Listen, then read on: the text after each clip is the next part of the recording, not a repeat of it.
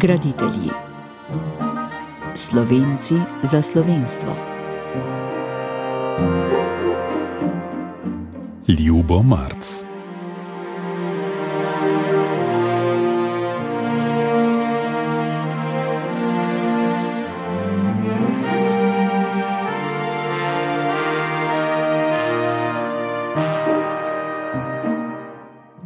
Duhovnik, politični zapornik Ljubo Marc je odraščal na Vipavskem.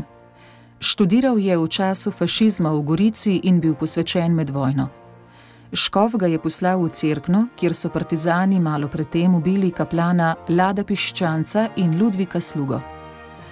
Po vojni je odšel v Rim, kjer je na Gregorjani študiral crkveno zgodovino. Ob obisku domovine ni smel več čez mejo, zato študija ni nadaljeval. Kot župnijski upravitelj v Drežnici je bil na tolminskem procesu leta 1952 obsojen na deset let zapora.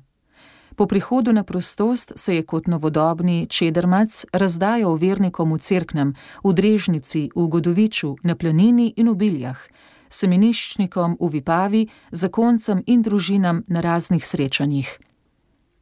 Na stare leta je v knjigi spominov Črepinje opisal leta bogoslovja čas vojne in povojna leta ter prestajanje krivične kazni v zaporih na ljubljanskih žalah na Igu in v Škofji Loki.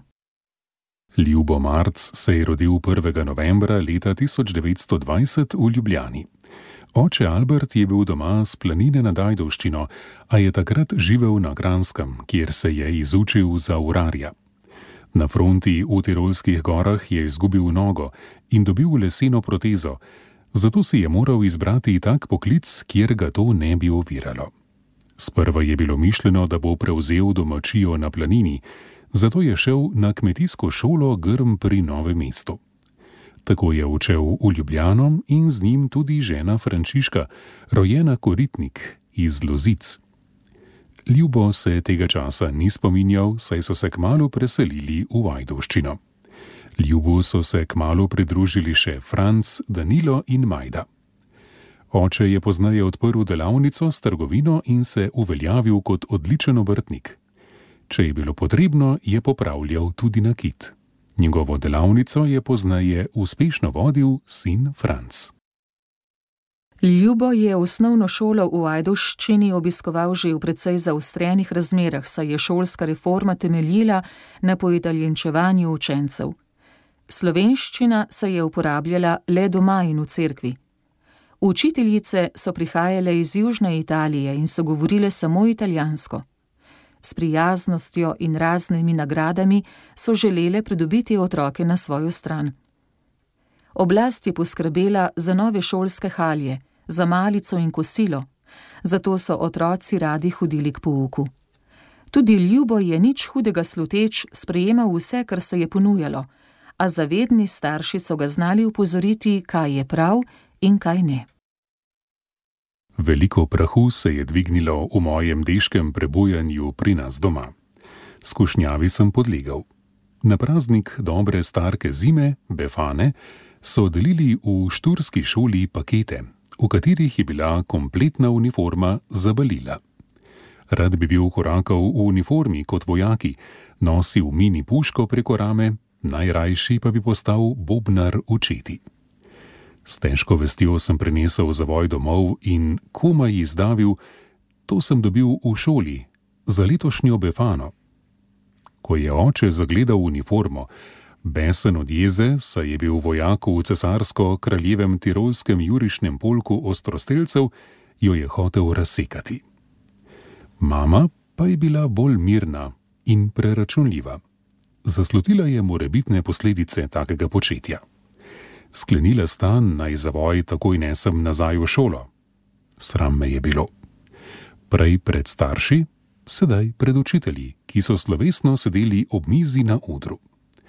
V tej razcepljenosti je moja deška duša v svoji iznajdljivosti odkrila tretjo pot. Priprl sem, kakor tat, nalahno in previdno vrata v dvorano, videl, da je obdarovanje še v polnem teku in kakor mačka stisnil neslišno in nevidno zavoj v najbližji kot. Olajšen sem jo v polnem teku mahnil domov. Tega narodnostnega doživetja ne bom nikoli pozabil. Ta deška katarza se mi je globoko usedla v podzavest. Osnovni šoli v domačem kraju je sledila pripravnica za klasično gimnazijo. Ljubo Marc je želel v slovensko alozijevišče v Gorici, a tam niso imeli prostih mest. Zato je šel k Selezijancem in se znašel v povsem italijanskem okolju. Počutil se je izgubljenega in usamljenega, a kot je povedal, mu je to poznaje koristilo, saj se je dobro naučil italijansko. Razmišljal je celo, da bi se pridružil Selezijancem, kamor so ga vabili, a vleklo ga je v načkofijsko semenišče. To je bila takrat edina gimnazija v Italiji z rednim poukom slovenščine. Je pa tudi pri Salezijancih doživel prijetno presenečenje, ki ga je opisal v tretjem dnevu. Nekega dne se mi gospod ravnatelj skrivnostno približa in mi skoro skrivoma v roko porine knjižico. Presenečen in ushičen berem na sivo-modri platnici opekasto rdeč naslov: Kristus čovnar. Saj to je slovensko. Še danes hranim iz leta 1931 sveščič, ki ga je spisal dr. Franz Knific. V tistem okolju je bilo to branje zame doživljanje prave deške zaljubljenosti, saj smo poznaje kot srednješolci ali bogoslovci navdušeno prepevali: Moja deva je Slovenija. Ljubo Marc je tako imenovano pripravnico pri Salezijancih končal maja leta 1932 in jeseni začel gimnazijo v Malem semenišču. Okolje je bilo bolj domače, saj je bilo v Malem semenišču precej slovencev. Čeprav je bilo vodstvo semenišča naklonjeno fašistični politiki, je Načkov Margoti ustrajal, da je slovenščina ostala obvezen predmet in da so imeli slovenci svoje vzgojitelje. Sam je bil Mussolinijev rojak, zaveden italijan in izvrševalec ukrepov, ki so vodili v italijanizacijo, a kljub temu se je zauzemal za slovenske vernike in duhovnike. Upošteval je navodila svetega sedeža, da naj se v italijanskih semeniščih z dijaki neitalijanskega jezika poučuje tudi njihov materni jezik. Tako so bili dijaki vzgojeni v slovenskem duhu, čeprav vodstvo tega ni odobravalo. Narodno zavedni vzgojitelji so mlade fante spodbujali, naj razvijajo svoje talente, si zapisujejo svoje misli in doživetja. Tudi Ljubo Marc si je v semenišču začel zapisovati svoje ideje, doživetja in iskrive pogovore dijakov. Dijaki so se zbirali tudi v raznih krožkih, a pretirana zauzetost za slovenstvo ni bila vsem pogodu. V peti gimnaziji smo bili skoraj vsi slovenski dijaki deležni izključitve iz malega semenišča, ker smo na pobudo prefekta Bernardina Godniča in drugih bogoslovcev osnovali tajno organizacijo čisto pragmatičnega pomena. Z metlo, tako smo jo poimenovali, smo pometali iz vsakdanjega našega govorjenja vse tujke in nepravilne izraze, da bi kdaj ljudstvu oznanjali v lepem, pristnem in čistem slovenskem jeziku. Kot bolševiki in panslavisti, ožigosani kot nevarni elementi za obstoj semenišča, smo se znašli na cesti. Edino svečenikom zbora svetega Pavla gre za hvala, da so nas ponovno sprejeli na gimnazijo in v zavod. Slabše se je godilo bogoslovcu Bernardinu Godniču. Izključen je bil iz bogoslovja in šele po vrsti prošen je lahko nadaljeval študij, a ne v Gorici, ampak v Boloniji. Ljubo Marc je lahko nadaljeval gimnazijo in malo semenišče zapustil na začetku poletja leta 1940. Odločitev za duhovniški poklic je dozorela in veselil se je, da bo lahko v jeseni vstopil v prvi letnik bogoslovja. Srednješolskega guljanja mu je bilo dovolj, zato je komaj čakal na visoko šolo. Poslušate podcast Radia Ognišče.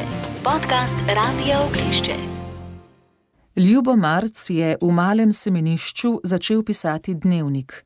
V svoje spomine, ki so išli leta 1994 pri Mohorjevi v Celju in Gorici pod naslovom Črepinje, pa je vključil le v zapise med letoma 1940 in 1958.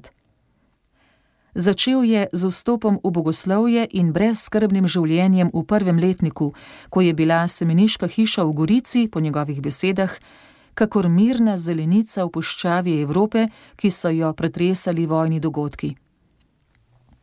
Nihče se ni zanimal za to, kar se je dogajalo na različnih bojiščih, v diplomaciji, saj so bili časopisi, ki so poročali o tem, v semenišču prepovedani.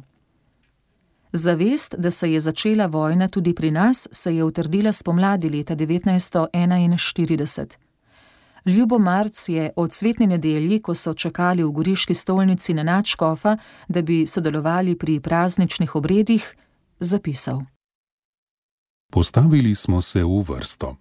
Med čakanjem na knezo škofa pa med seboj razglašali novico dneva.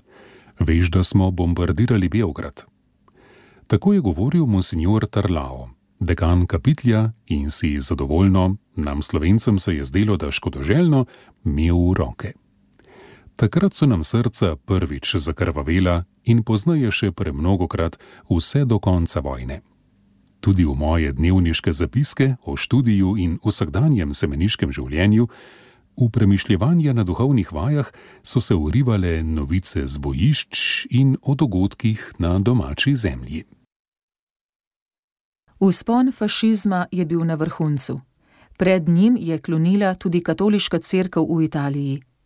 V bogoslovnih in drugih šolah je preganjala zasebno rabo slovenščine, profesori pa so z redkimi izjemami simpatizirali z nacionalizmom. V goriškem bogoslovju je bilo več zavednih slovencev, ki so kljub uradni strogosti z naklonjenostjo spremljali bogoslovce in jih tiho spodbujali k uporništvu. Med njimi je bil dr. Mihajl Toroš, profesor crkvenega prava. O njem je Ljubomarc zapisal: Mož se dobro zaveda, da mora vzgojiti ljudi, ki se bodo znali v prihodnosti boriti za svoje pravice v življenju. Tudi profesorja grščine Joško Bratoš in crkvenega petja Emil Komel, s katerima so se srečevali v bogoslovju, sta bila nad vse predana slovenstvu. Marc se je pri Komelu učil tudi igranje na klavir in orgle. Posebna izkušnja za bogoslovce je bilo srečevanje s primorskimi duhovniki.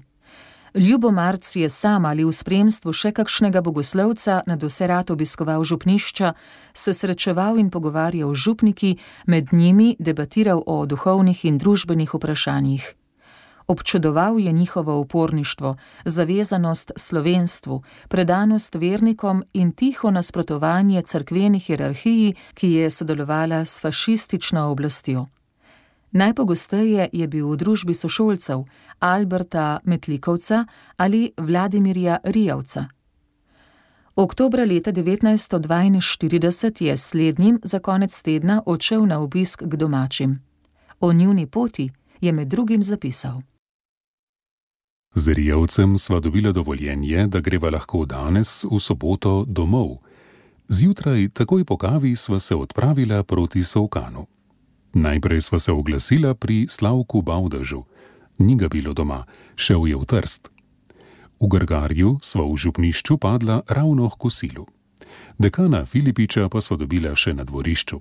Veliko smo se imeli povedati tudi z neko šolsko sestro iz Maribora, ki je tu v begunstvu. V Čepovanu sva šla, kakor se pogoslovcem spodobi, najprej potrkati na farovška vrata. Vse zaprto. Iz kofolišča, onkraj ceste, nam Adekle pove, da so gospod v cerkvi. Res ga dobiva tam, ko je nadziral delo, širili so nam reč kor. Ko smo malo politizirali, sva se odpravila po strmini v Lokovec. Gospod Širaj, zelo gostoljuben in ljubezniv star gospod, nama je postregel z vinskim čajem in kruhom. Ljubo Marc je že sredi študija teologije začel razmišljati, da bi nadaljeval s študijem. Zanimala sta ga predvsem zgodovina in umetnost. V tretjem letniku bogoslovja je vložil prošnjo za študij na Gregorjani v Rimu. Načkov Margoti jo je zavrnil, ale zato, ker ni bilo več prostih upisnih mest. V letu 1943 se je vojna, zlasti po prihodu Nemcev, razdevjala tudi na primorskem. Tudi Ljubo Marc je med počitnicami, ko je bil doma, doživel aretacijo strani Nemcev, a so ga poznaje izpustili. Na praznik brez madežne leta 1943 je bil posvečen v diakona. Februarja leta 1944 ga je pretresel crkljanski pokol, saj je bil tesno povezan s kaplanom Ladom Piščancem. Dobro je poznal tudi Ludvika Slugo. Maja leta 1944 so se začele priprave na mašniško posvečenje.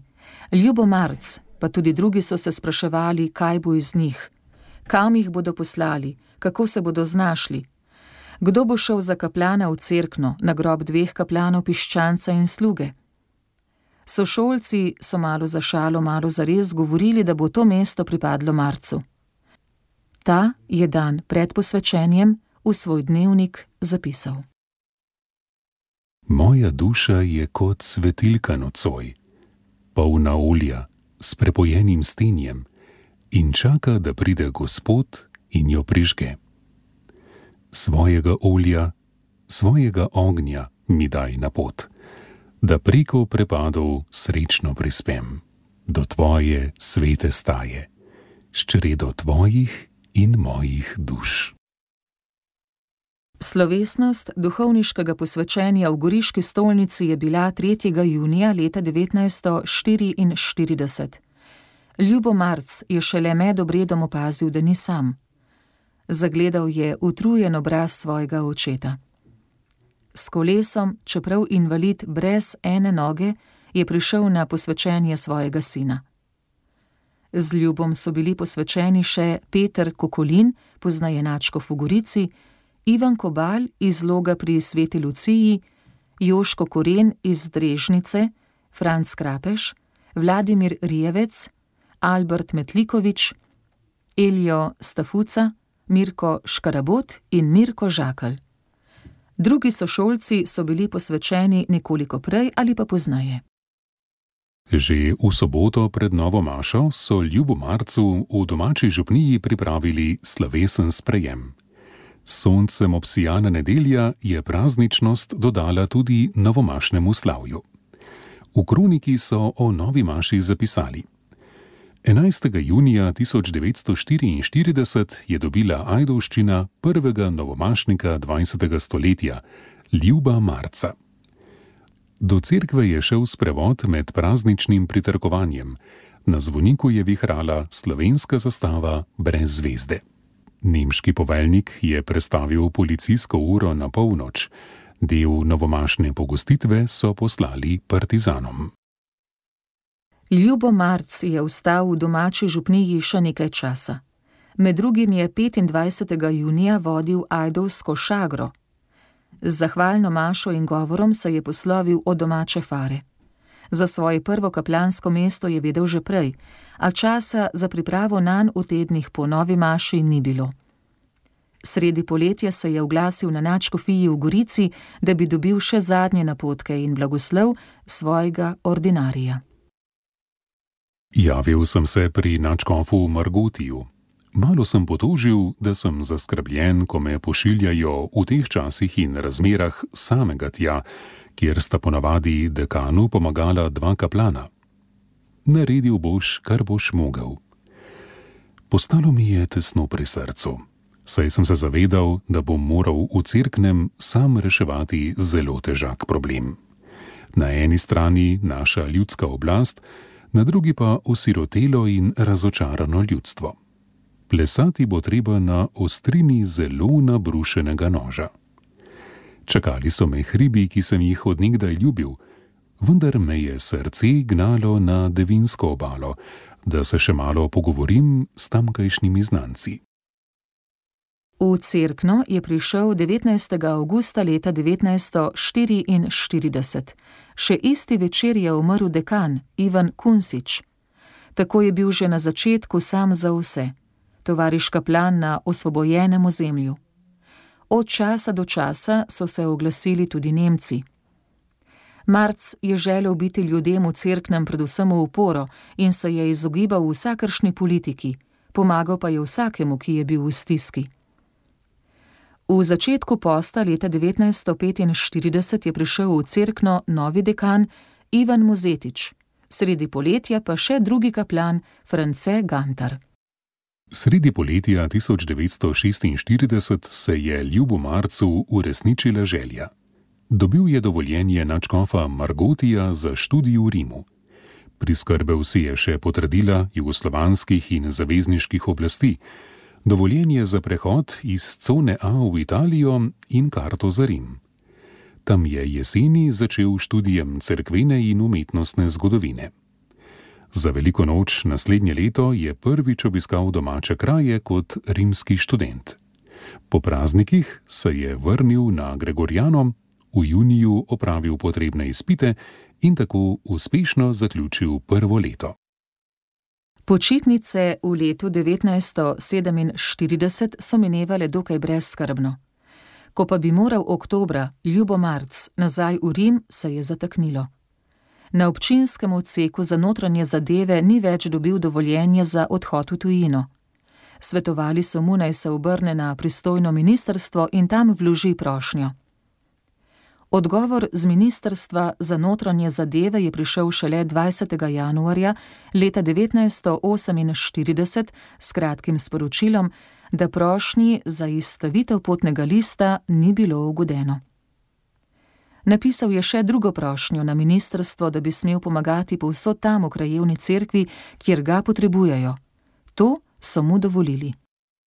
Za veliko noč 1948 je Ljubo Marc dobil prošnjo župnika v Drežnici, Josipa Kalina, če bi lahko pomagal za praznike. Ker so kaplana zaprli, ga je Kalin nagovoril naj ostane. Marc je odšel k apostolskemu administratorju Torošu in tam mu je dal dekret za duhovnega pomočnika v Drežnici. Svoj pristanek je dala tudi ljudska oblast v Tolminu in tako je ostal v Drežnici in kmalo postal župnijski upravitelj, saj je bil Kalin že prileten. Čeprav je bil Marc med vojno kaplan na osvobojenem ozemlju in v dobrih odnosih s partizani oziroma novo oblastjo, so se začeli vrstiti pritiski. Med nekim obiskom v Tolminu ga je visok oficir spomnil, da bi moral biti hvaležen, da je lahko v drežnici. Prav bi bilo, da oblasti pokaže lojalnost. Nagovarjal ga je za poročanje, kaj se dogaja med sobrati duhovniki. Marc se je izgovoril, da ga vežeta tako narodno-državna kot crkveno-pravna disciplina in pokazal na apostolskega administratorja. Glejte, doktor Toroš je z vami v najboljših odnosih. Če bom kdaj pri sobratih kaj nerodnega opazil, bom njega opozoril in obvestil, on pa naj ukrepa naprej, naj tistega opozori ali pa premesti. Če hočete tako, je prav, drugače ne morem. Oficir se je razburil. Tega nočemo, hudiča Marc. Zapomnite si, preden bodo minila tri leta, boste sedeli v zaporu igral se je s pištolo in jo vrtel po mizi. Tako sva se rašla in zaslutil sem, da se mi planinski raj spreminja v vice. Pritiski so bili vse hujši. Že leta 1948 so zaprli Končana in Kraglja. Ljubo Marc je moral na mesto prvega poslej skrbeti še za vernike na Livku. Naslednje leto je umrl Kalin. Tako sta Marc in Kobal ostala edina dejavna dušna pastirja na Kobariškem. Poleg tega so se tudi duhovniki na primorskem začeli deliti v dve skupini: na tiste, ki so ustrajali pri svojem, in na tiste, ki so šli v korak s časom in so se povezali v duhovniško društvo Cirila in Metoda.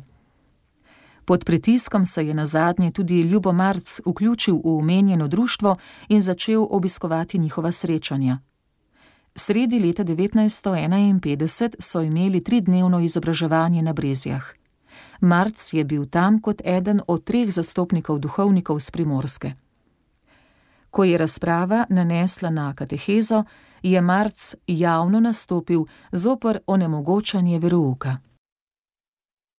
Ko je prispel domov, je kmalo dobil vabilo, kateri dan in uro se mora zglasiti v Tolminu.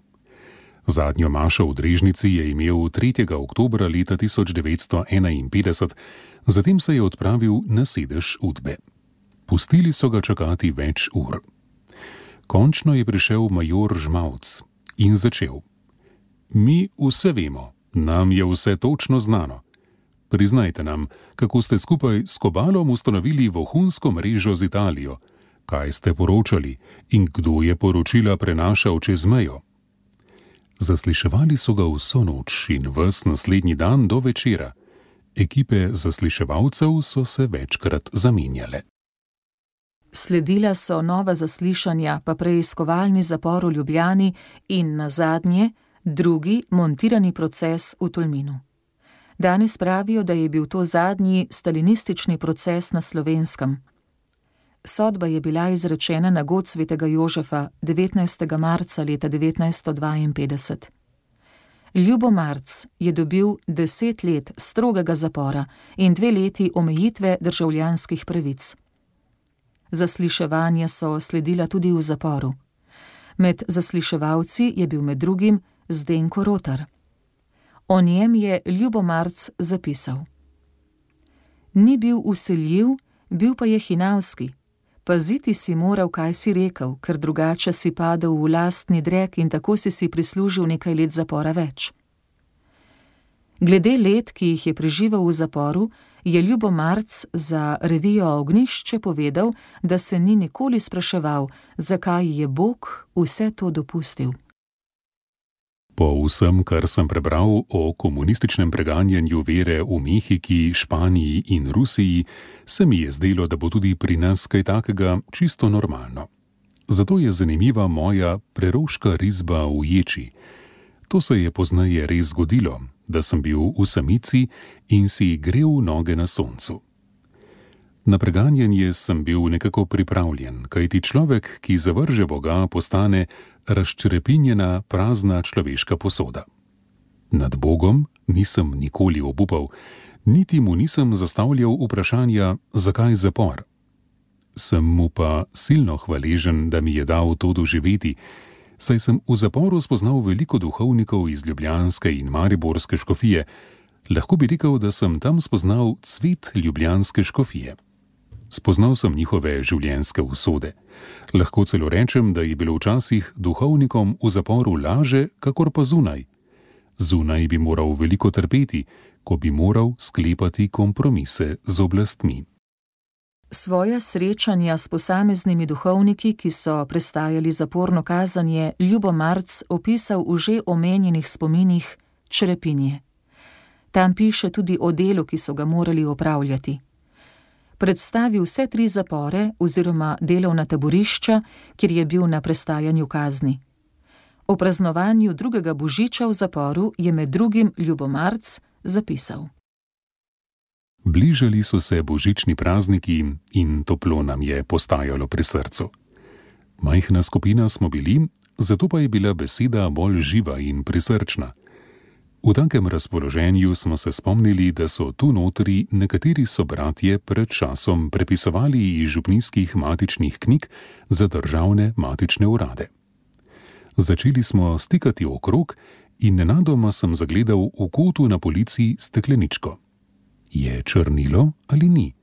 Je že suho, posodica prazna? Nekaj kapljic je še bilo na dnu.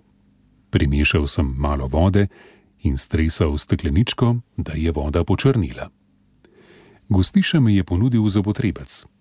Pater Lederhas pa dal papir od ovoja neke revije. Narisal sem sveto družino z oslekom in volekom, pastirčka in rajajoče angelce. Z rezilom iz okovice za čevlje sem risbo izrezal in za sveti večer smo imeli v škatli za kruh jaslice. Prepevali smo in molili, kakor bi bili doma, spet otroci. Po končani pobožnosti smo škatlo obrnili, da se je božična skrivnost skrila pred strogimi pogledi pasnikov. Pred temi jaslicami smo opravili molitve tudi na sveti večer pred novim letom. Toda Na novega leta dan smo pozabili škatlo obrniti in paznik je kakor Herodež sveto družino zaplenil. V vsakem zaporniku je odzvanjala sodba in večkrat je v spominu ponavljal, kdaj se bo kazen iztekla. Tudi ljubo je štev dneve, mesece in leta. Predvidoma bo na svobodi 4. oktober leta 1961, saj se je v kazen štev tudi preiskovalni zapor. Takrat bo odslužil, kar je dobil, če se ne bo zgodilo kaj izrednega. Na zaslišanjih so pogosto grozili s podaljšanjem kazni. Zato je bil v precejšnji negotovosti, ko so ga 23. januarja leta 1958 poklicali. Na kapijo. V posebni sobi zagledam pri mizi cel zbor v navednicah velikih duhovnikov. Stara znanca Kranc in Šoštorič sta sedela bolj na robu, v sredini pa je bil sam dr. Turenšek, ob njem pa Mitja Ribičič, na to upravnik in še Mohorič. Ljudno in prijazno me pozdravijo, ukažejo naj sedem. Na to mi Mitja Ribičič slovesno pokaže listino, da jo preberem sam zase. Napisano je bilo, da me pogojno odpuščajo z prestajanja kazni, na katero sem bil obsojen, in da pogojni odpust traja do preteka časa, za katerega se je glasila kazen, torej do 4. oktober 1961. Kot kraj bivanja mi je bila določena Ajdovščina, ki da jo smem zapustiti le z dovoljenjem državnega sekretarja za notranje zadeve LRS. Po prihodu v kraj bivanja se moram v 24 urah javiti pristojnemu tajništvu za notranje zadeve. Takoj ga je prišinilo, kako se bo vključil nazaj v družbo, kako se bo znašel med sobrati, ko so toliko let hodili vsak svojo pot, kam ga bodo poslali, ali bo imel mir ali pa ga bodo spet silili v Ciril metodovo družbo. Bil je svoboden, lahko gre domov. Pot ga je vodila v Ajdovščino, kamor so mu zapovedali. Domači so ga bili veseli, a tudi v njih je bilo nekaj nezaupanja. Po nekaj dneh je prišlo v krogu domačih skoraj do napetosti. Nisem in nisem jih mogel prepričati, da je bila vsa naša obtožnica iz trte zvita nekaj si že moral imeti, nekaj si že moral napraviti, so mislili. Ni jim moglo iti v glavo, da je bilo vse politično izmišljeno, umetno zgrajeno. Sicer pa me to ni presenečalo, saj sem jaz v preiskovalnem zaporu doživel isto. Ob prihodu na prostost je bil Mihajl Toroš še vedno apostolski administrator. Ljubo Marc se mu je javil in z dovoljenjem oblasti je postal župnijski upravitelj v Godoviču, od tam je nekaj časa so upravljal za vratec. Posebno pozornost je namenil mladim in verouku, zaradi katerega je sedel v zaporu. V letu, ko se je končal drugi vatikanski koncil, je postal župnijski upravitelj na planini. Tja ga je poslal škof Jenko, ki mu je obenem zaupal vzgojo mladih v Vipavskem semenišču učil jih je družboslovja. S planine je upravljal tudi župnijo Ustje. Z velikim navdušenjem je sledil liturgični prenovi, ki jo je narekoval koncil. Nekdani sošolci, med njimi Peter Kokolin, takrat že goriški načkov, so ga seznanjali z novimi katehetskimi in drugimi pastoralnimi pripomočki, ki jih je bilo v Italiji na pretek. Ljubo Marc je bil že v začetku 70-ih let stalni gost katehetskih simpozijev in jih je obiskoval do zadnjega. Pomemben del simpozijev je bila tudi družabnost oziroma večdnevno druženje obiskovalcev. Na začetku so bili to le duhovniki, poznaje tudi laiki. Tisti, ki so se zbirali na Mirenskem gradu, so dobro poznali Ljuba Marca ki je znal poskrbeti za to, da se je študijsko vzdušje pri razgovorih sprostilo. Posebno mesto v življenju Ljuba Marca ima župnija Bilje. Tam je živel več kot tretjino svojega življenja. Leta 1975 je prišel za župnika in v tej fari ostal tudi po upokojitvi, ter pomagal, kolikor mu je zdravje dopuščalo. V tem času je pogosto zahajal na Mirenski grad, kjer je imel predavanja za zakonce in družine. Pisal je članke o pastoralnih vprašanjih za mladiko, družino, crkv v sedanjem svetu in katehetskem priročniku. V Biljah je dobila dokončno podobo tudi njegova knjiga Črepinje. O njej je ob izidu za revijo Ognišče povedal.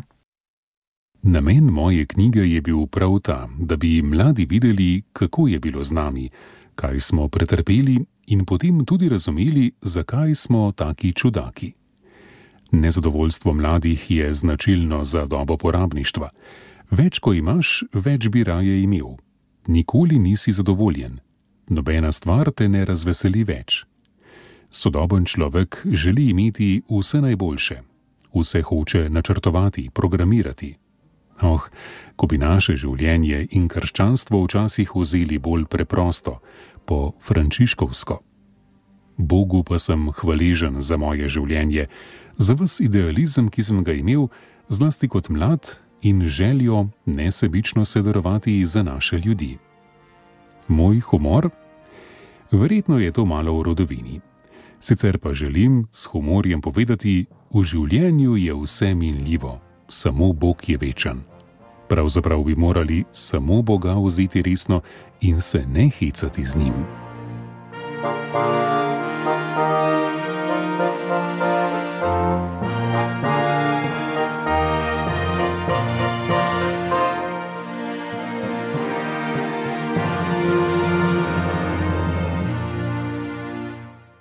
Ljubo Marc je umrl po noči 23. augusta leta 2010 v bolnišnici v Šempetru. Pogrebno sveto mašo v župninski cerkvi svetega Antona Puščavnika v Biljah je daroval škof metod Pirih. V pridigi se mu je zahvalil za vse delo, ki ga je upravljal po župnijah, z govorjeno in pisano besedo.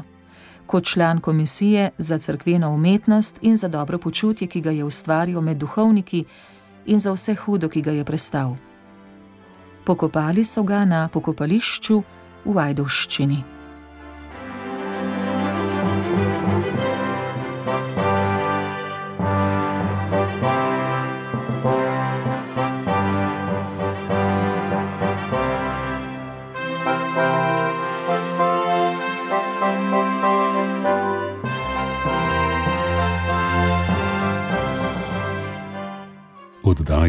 Ljubu Marcu je pripravil Tone Gorjub. Brala sva Nataša Ličen in Matjaš Mrljak. Tehnično jo je uredil Boštjan Smole.